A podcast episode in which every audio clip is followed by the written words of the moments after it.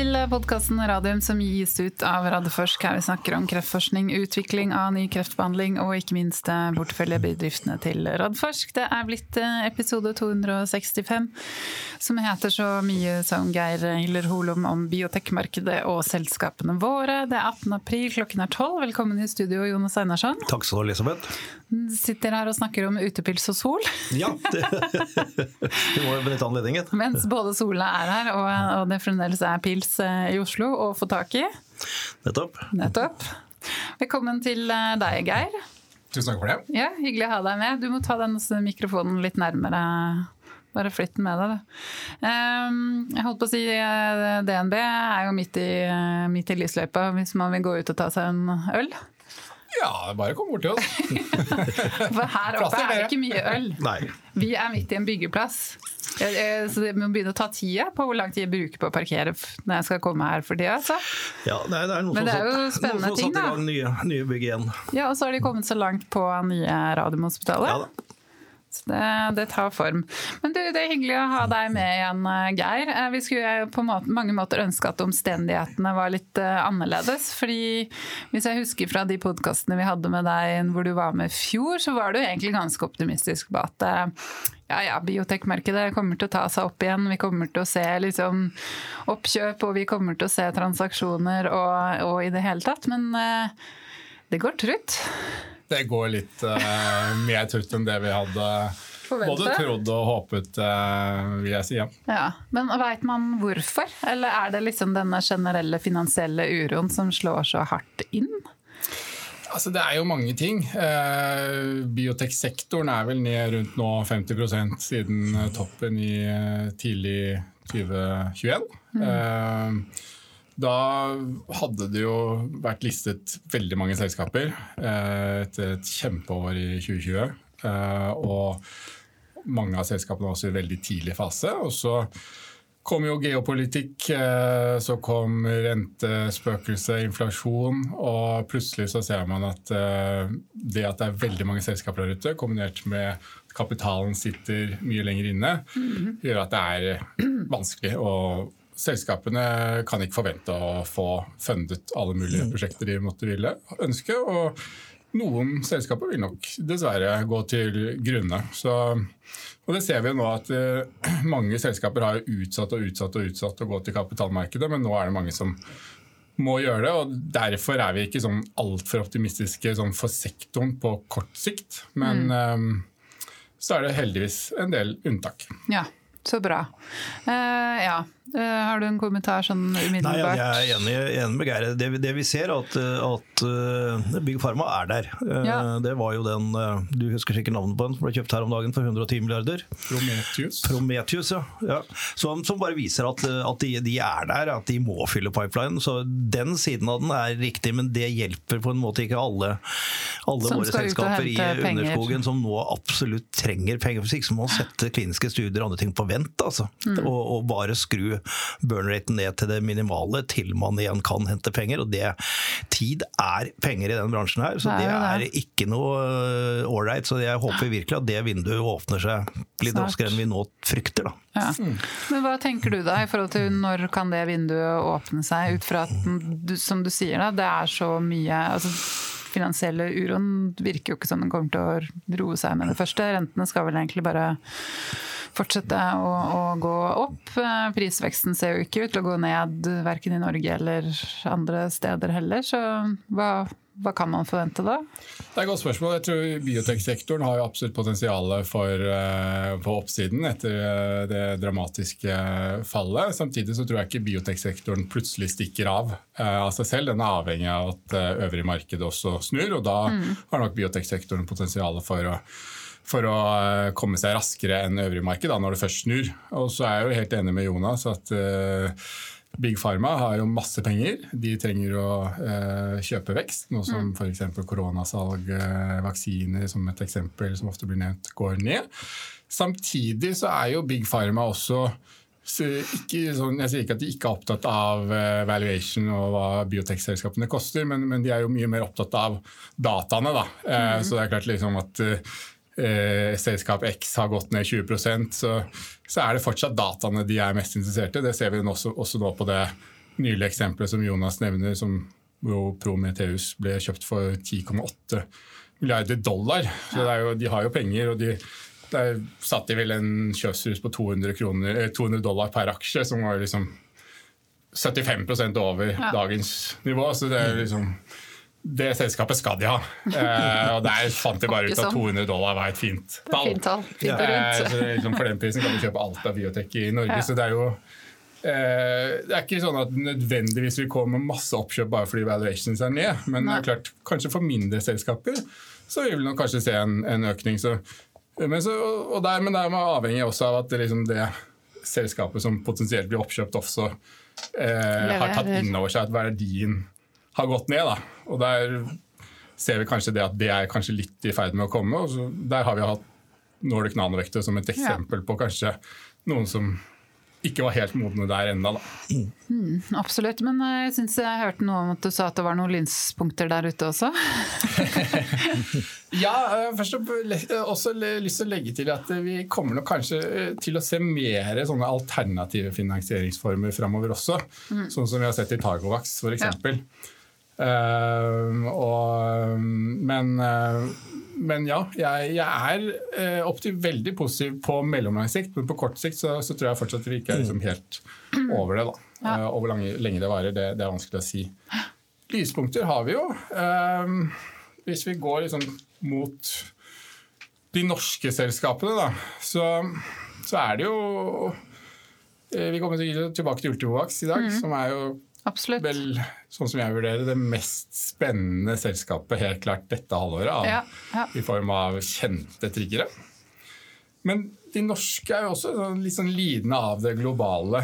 Der ser vi, vi har møte nå i Amsterdam for et par uker siden og møtte masse spesialistinvestorer. og Nevnte en del norske selskaper. og så, ja, Det selskapet, ja, det liker vi. Men det er så mange selskaper der ute som kan vise oss mer data ja. til en lavere valuation. Så vi sitter på gjerdet og venter. Ja. Mm. Og, og, det ser vi også på sånn diskusjonen vi har òg. Nå er det liksom kliniske data, data, data som er viktig. Og Nycod som et eksempel da, er jo veldig lidende av det, kan du si. For mm. halvannet år siden så var det sånn investordiskusjonene så var det ja, hvor mye verdi har du på autoimmunsykdomspotensialet, på plattformens potensial i infeksjonssykdommer. De diskusjonene har vi ikke lenger nå. Nei. Nå er det kliniske data for livmorhals, hvor bra er de? Mm. og liksom kanskje ned på nivå hvor stort er pasientpopulasjonen i livmorhals. Sånne diskusjoner hadde vi ikke før. Så, så Nycod er jo på en måte veldig lidende av det, da, kan du si akkurat nå. Blitt grundigere på en måte?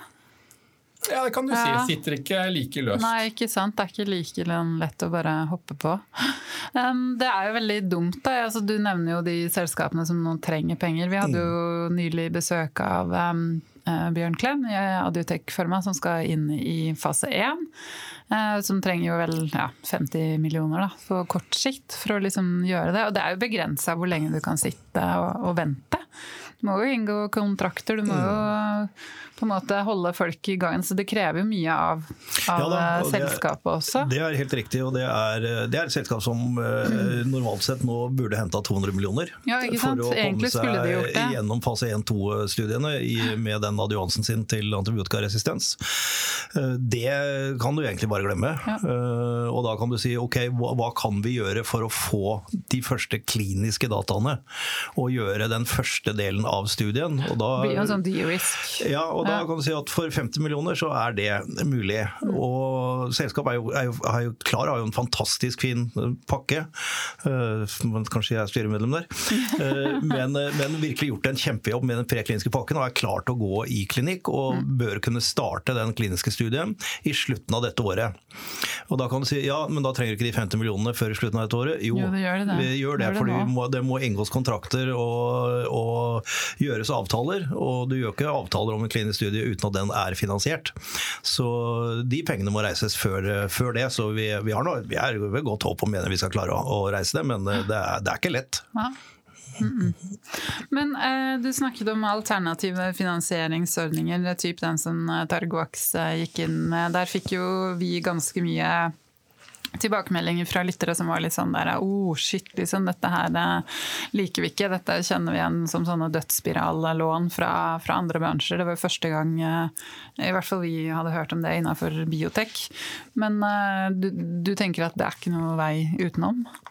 Altså, sånn som jeg eh, ser på det, så, så tror jeg absolutt at Targovax vurderte å hente penger i mer sånn vanlig emisjonsrunde, eller tegningsrett emisjon. Mm. Eh, men da, sånn som jeg, det er spekulasjon, så, så, tror jeg at man innså at da blir det en ganske stor utvanning. Og det vil det med dette lånet så er jo det også eh, skadelig eh, for, for, aksjekursen, men da har du i hvert fall den eh, fordelen at du trenger jo ikke å, å, trekke opp alle de transjene. Man kan i prinsippet hente penger i egenkapitalmarkedet i morgen. Ja. Så, så, jeg tror nok eh, de valgte mellom måte, to onder, og så valgte de det som i hvert fall gir en fleksibilitet da, til å mm til å eh, begrense forhåpentligvis hvor mye de, de trenger. Mm. Så, men lånebetingelsene er jo selvfølgelig ikke gunstige, men ut fra sammenlignbare lånebetingelser vi ser der ute, så, så syns jeg at de har vært flinke med å forhandle til den avtalen der. Da. Ja. Ja, men Det er bra. Um, men um, et område som på en måte peker seg litt ut med litt sånn positiv buzz nå, og som vi er happy for, det er jo kreftvaksiner. Uh, Senest nå var det forrige uke, eller var det helga, hvor Aftenbladet i Sverige hadde svært mm, på, oppslag ja, på lørdag. På lørdag. Mm. Også intervju med Sara Mangsbo i, i Ultimovax om det. Um, hva, hva, tenker du om på en måte potensialet med spillover-effekten der, hvis man ser, altså hvis det blir gode data fra Ultimovax? Jo, altså Kreftvaksiner har jo gått litt sånn i bølgedaler opp gjennom årene hvor uh, hva skal man si, hot det har vært. -hmm. uh, så kom jo disse moderne dataene i desember, og da opplevde vi at det var mange investorer som har vært uh, mer skeptiske, som, som, sa at oi, kanskje dette her faktisk har noe for seg. Så så det, De dataene som kom i desember, var jo randomiserte, og det, det gjorde nok noe med, med, mange. Så jeg tenker at det har vært superpositivt. Eh, og så har det jo vært, som du sier, mye med, i mediene nå. Det tror jeg er bra. Uh, det begynte vel med en sånn The Guardian-artikkel, og så var det ett svensk medie som plukket opp, og så mm. var det vel to-tre andre som jo, uh, skrev egentlig ganske like artikler, og så kom det vel i VG også. Mm. Så, uh, så, det er jo kjempepositivt. Ultimovax har jo vært uh, flinke til å sette Sara foran, og hun Eller hun blir vel mer ringt til, tror jeg. Hun blir mye kontaktet direkte. hun har et bra navn i Sverige. det. så det er jo kjempeflott. Uh, så tror jeg jo også at disse vaksineforskerne i Norge gjerne kunne nevnt også våre flotte selskaper, da, Ultimax og også Nyco, da, når ja. de blir intervjuet. Så det er veldig fint med mer PR. Hmm. Det er bra. Men uh, da må vi jo snakke om uh, Ultimovax, og du var jo inne på det. Altså det vi venter jo på disse fase to-dataene som skal komme nå i løpet av første halvår. Og betyr jo enormt mye for selskapet, men kan også bety veldig mye på uh, litt sånn få troa igjen på bioteksektoren i Norge, hvis man setter det helt på spisen. Det har vært litt sånn, litt sånn ullent.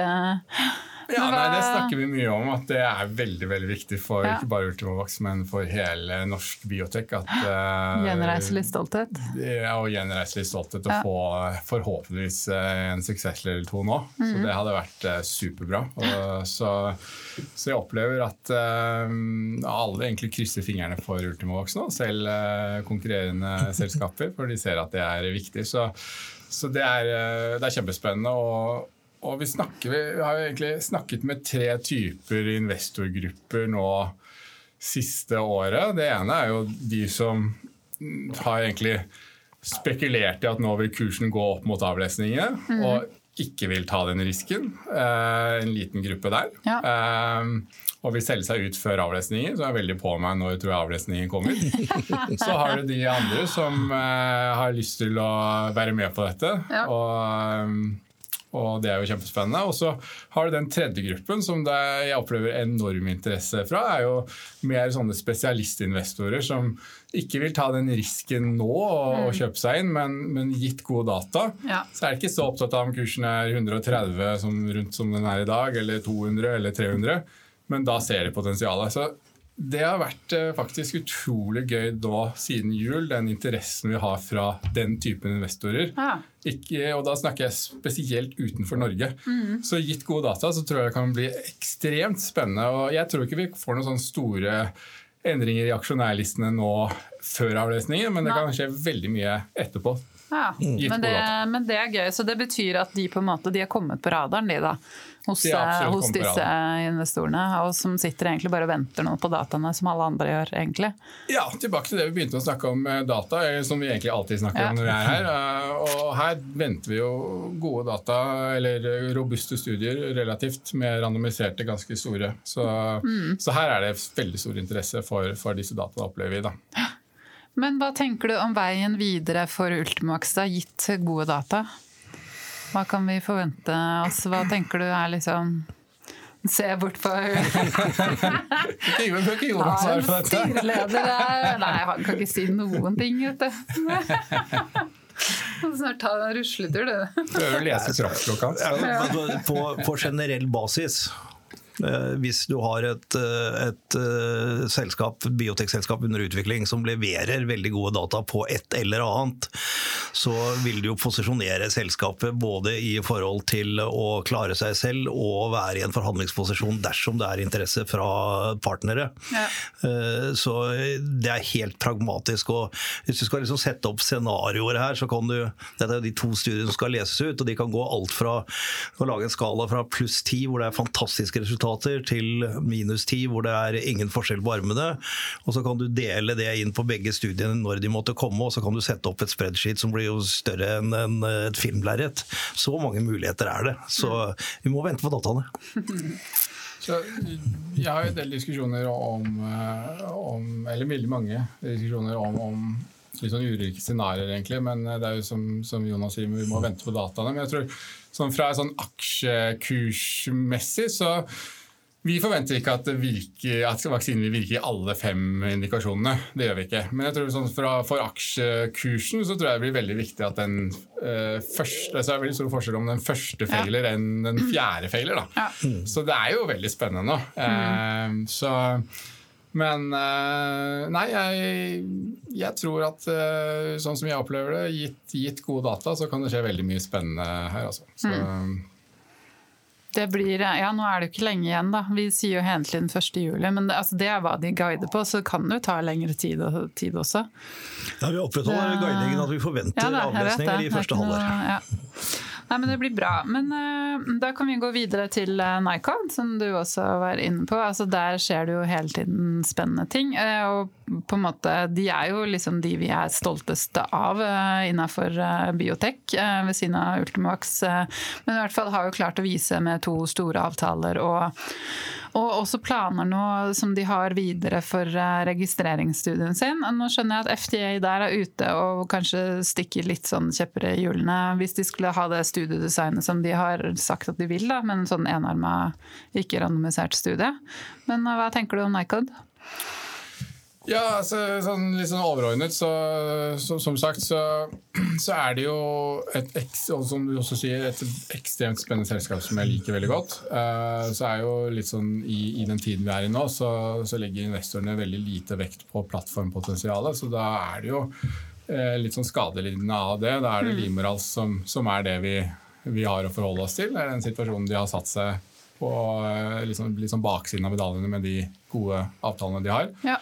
Eh, når det kommer til eh, de dataene vi venter nå dette halvåret, så blir det veldig spennende, for da vil vi jo få eh, flere pasienter, fullt lengre, og nå også overall survival og PFS og DOR-tallene. Så, så det blir jo veldig spennende. Eh, og det er jo en del andre selskaper som har levert eh, tall der, så da får vi virkelig en, en benchmark. Og så har de jo, eh, syns jeg, en, en god plan for å nå markedet. Og jeg er ikke noe bekymret for de eh, FDA-endringene, for det eh, har nok vært ventet. Og de har jo, sånn som jeg eh, vurderer det, hatt en løpende dialog med FDA Ja. hele veien, og med GOG. Så, så sånn som jeg forstår på Mikael Agnete, så, så er det her ventet, egentlig. Okay. Og, um, og ser verken de eller jeg ser noe dramatikk i det. Så, Ja. så det sagt, så er jo eh, eh, terskelen for å eh, få en accelerated approval eh, høy. Så, så det, det er jo fortsatt jobb som skal gjøres. Absolutt, og da er det vel enda ja, mer betydning hva som er i de dataene, som de også kan vise til. Absolutt. Rett og slett. Nei, men det er et spennende selskap også, virkelig. Eh, Targovax, eh, vi nevnte jo den med lånefinansieringsavtalen, så det har vi vært igjennom. Men hva tenker du liksom om den omstruktureringen de har gjort i strategien sin, med å mer satse på, på sirkulært eh, må si RNA, ikke DNA?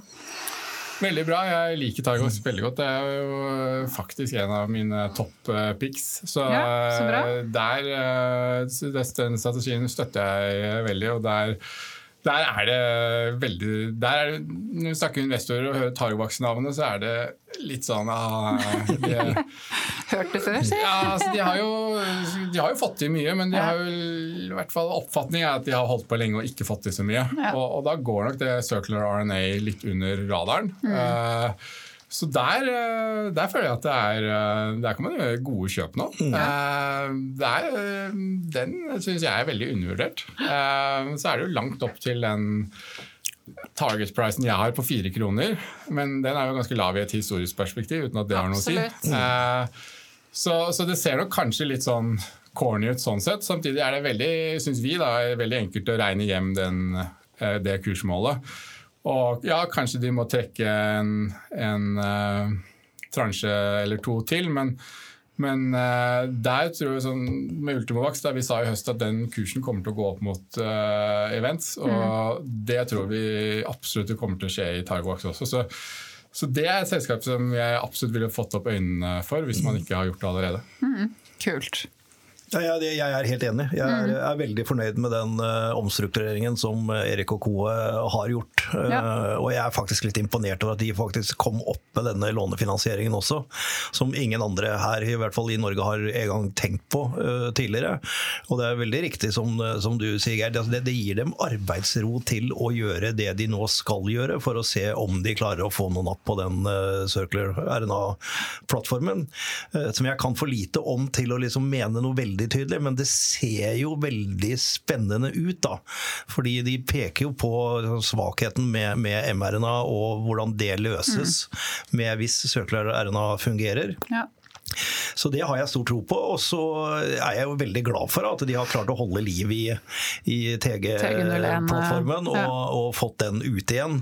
Nå endelig liksom i pankreas med denne kombinasjonsbehandlingen med immunterapi. Det er jo dette vi har snakka om og drømt om i alle år. Eh, og med en suksess i Ultimovax, så vil jo det plutselig være en asset som kanskje kan man ha en, ha en verdi også. Så jeg er veldig enig med Geir. Jeg, jeg synes av de selskapene som har måttet omstrukturere, ta en fot i bakken, gjøre ting annerledes fordi man ikke liksom har kommet helt i mål med, med de første studiene, så er jeg ganske imponert over det de har fått til. Ja. Ja, nei, jeg eh, skal ikke love noe, men jeg tror det er en veldig stor sannsynlighet for at de, kan, eh, de klarer å lande en deal der. Eh, Jeg tror det er stor interesse der. Det Ja. vi opplever også når vi snakker med Vi snakker ikke så mye med selskapene, men mer investorene. Så, men det vi hører også da, når vi snakker med selskaper, så Ja, nei, jeg, jeg tror det er Det er en At den markedsverdien til selskapet er under 200 millioner, det Ja. Det vil jeg eh, som investor i hvert fall eh, gjort meg opp mine tanker om. da, Ja. Med tanke på det de har. Hadde, hadde det vært et sånn helt nystartet selskap nå med, med dette her, så hadde ikke den kursen vært Nei. Der, tror jeg. Ikke sant. Uh, ja, og så har vi også Photocure som er på børs, men der har ikke du dekning. Det er det Patrick Ling som har, så det trenger vi ikke snakke om. Men vi har jo noen unoterte selskaper også i Radforsk. Oncoinvent, Tubro, Seluna av de mer eh, modne, eh, som vi også har snakket om en del her i podkasten. Hva, hva tenker du om disse selskapene, i den grad du kjenner dem?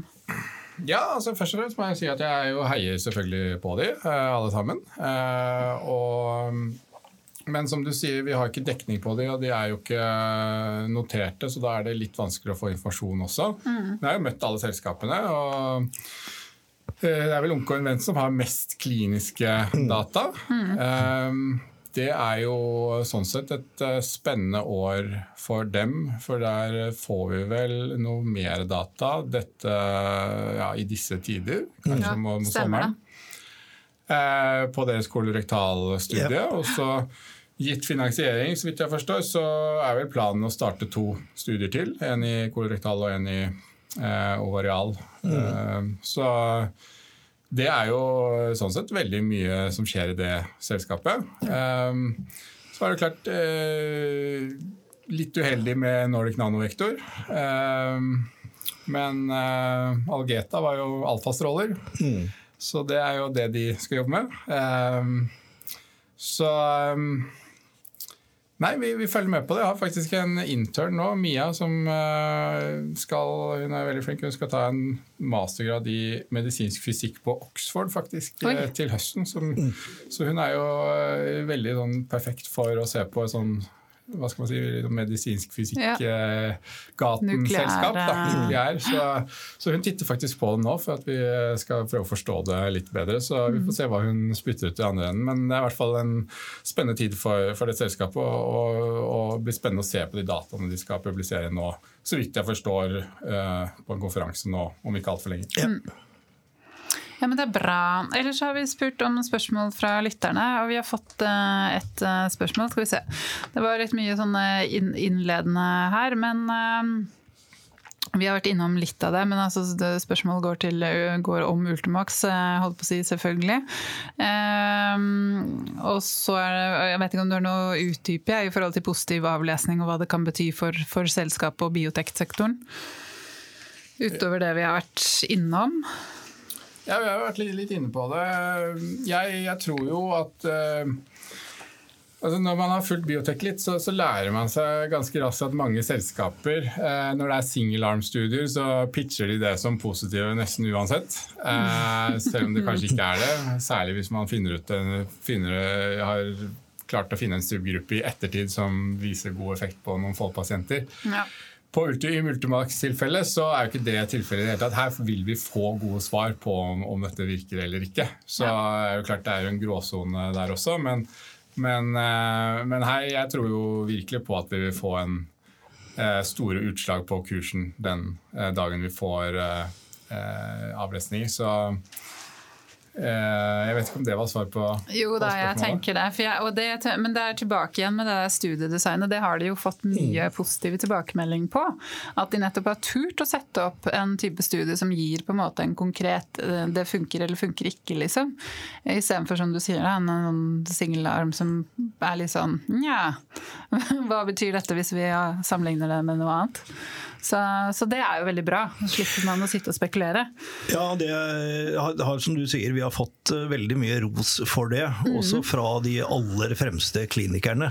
Eh, på når vi presenterte de 103-dataene, som jo Ja, i Edinburgh. Ja, i Edinburgh, som, hvor det mest spennende var jo at uh, de kunne vise at de hadde jo like gode resultater uh, hos pasientene, uavhengig av disse tre-fire aller viktigste faktorene, som i utgangspunktet tilsier at det skulle være dårligere effekt, som det jo er på, på den kombinasjonen med immunterapi. Mm. Eller på Pembro, unnskyld, der er Pembro ja. alene.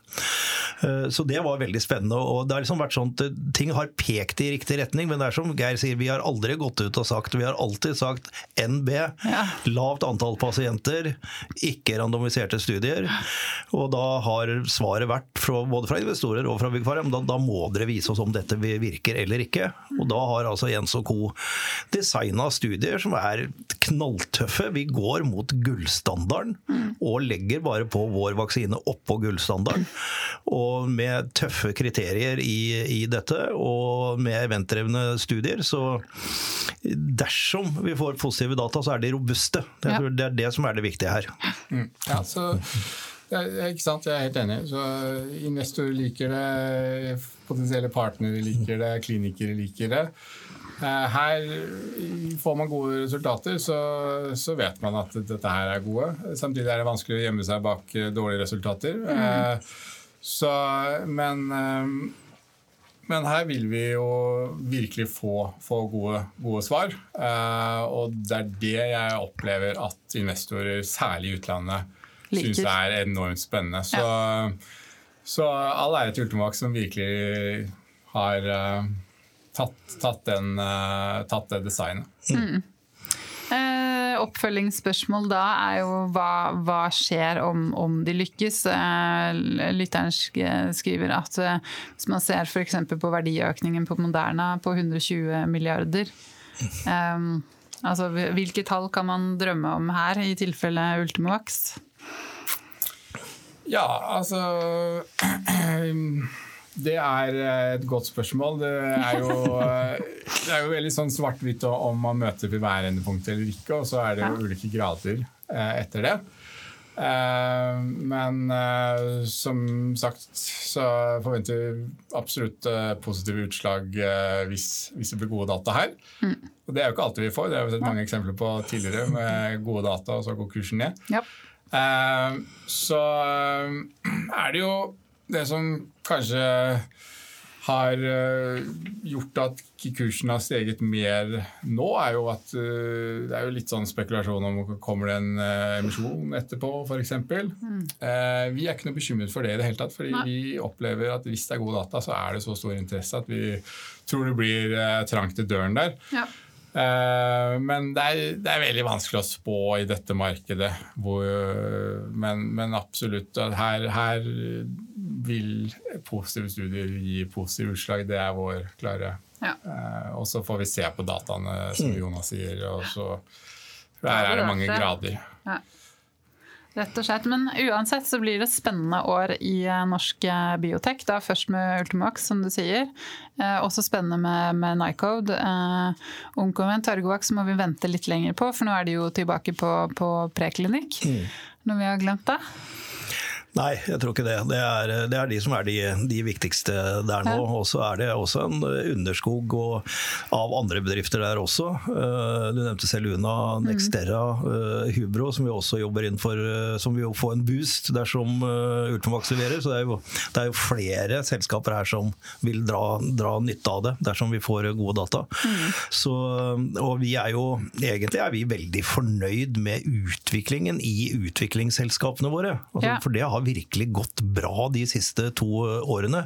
Og så har vi jo klart å skaffe finansiering til de aller fleste. Vi har noen ute nå som, som sliter, men det tror jeg vi skal få til. Vi har jo klart å lande sånn som både i Seluna og Nextera og sikre finansiering en stund eh, fremover. Så hvis vi bare nå klarer å hang in there en, en liten stund til, så Du får holde det flytende. Vi må ja.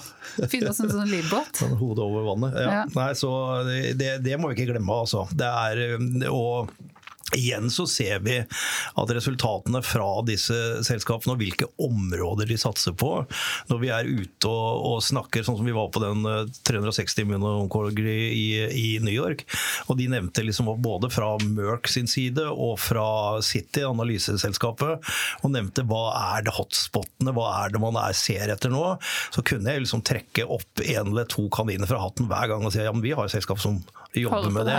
Fordi, og det, det er ikke selskapenes skyld, det er forskerne. Ja. Det er forskerne som er inne på de rette områdene. Så det, det er fortsatt mye muligheter her. Altså. Mm.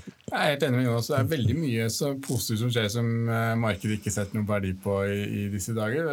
Så spoler man tilbake to år eh, tilbake der biotek var på sitt høyeste, så er det jo de fleste selskapene er jo egentlig kommet lenger nå. Ja. Eh, og nå eh, rekrutteres det jo bra. Ja.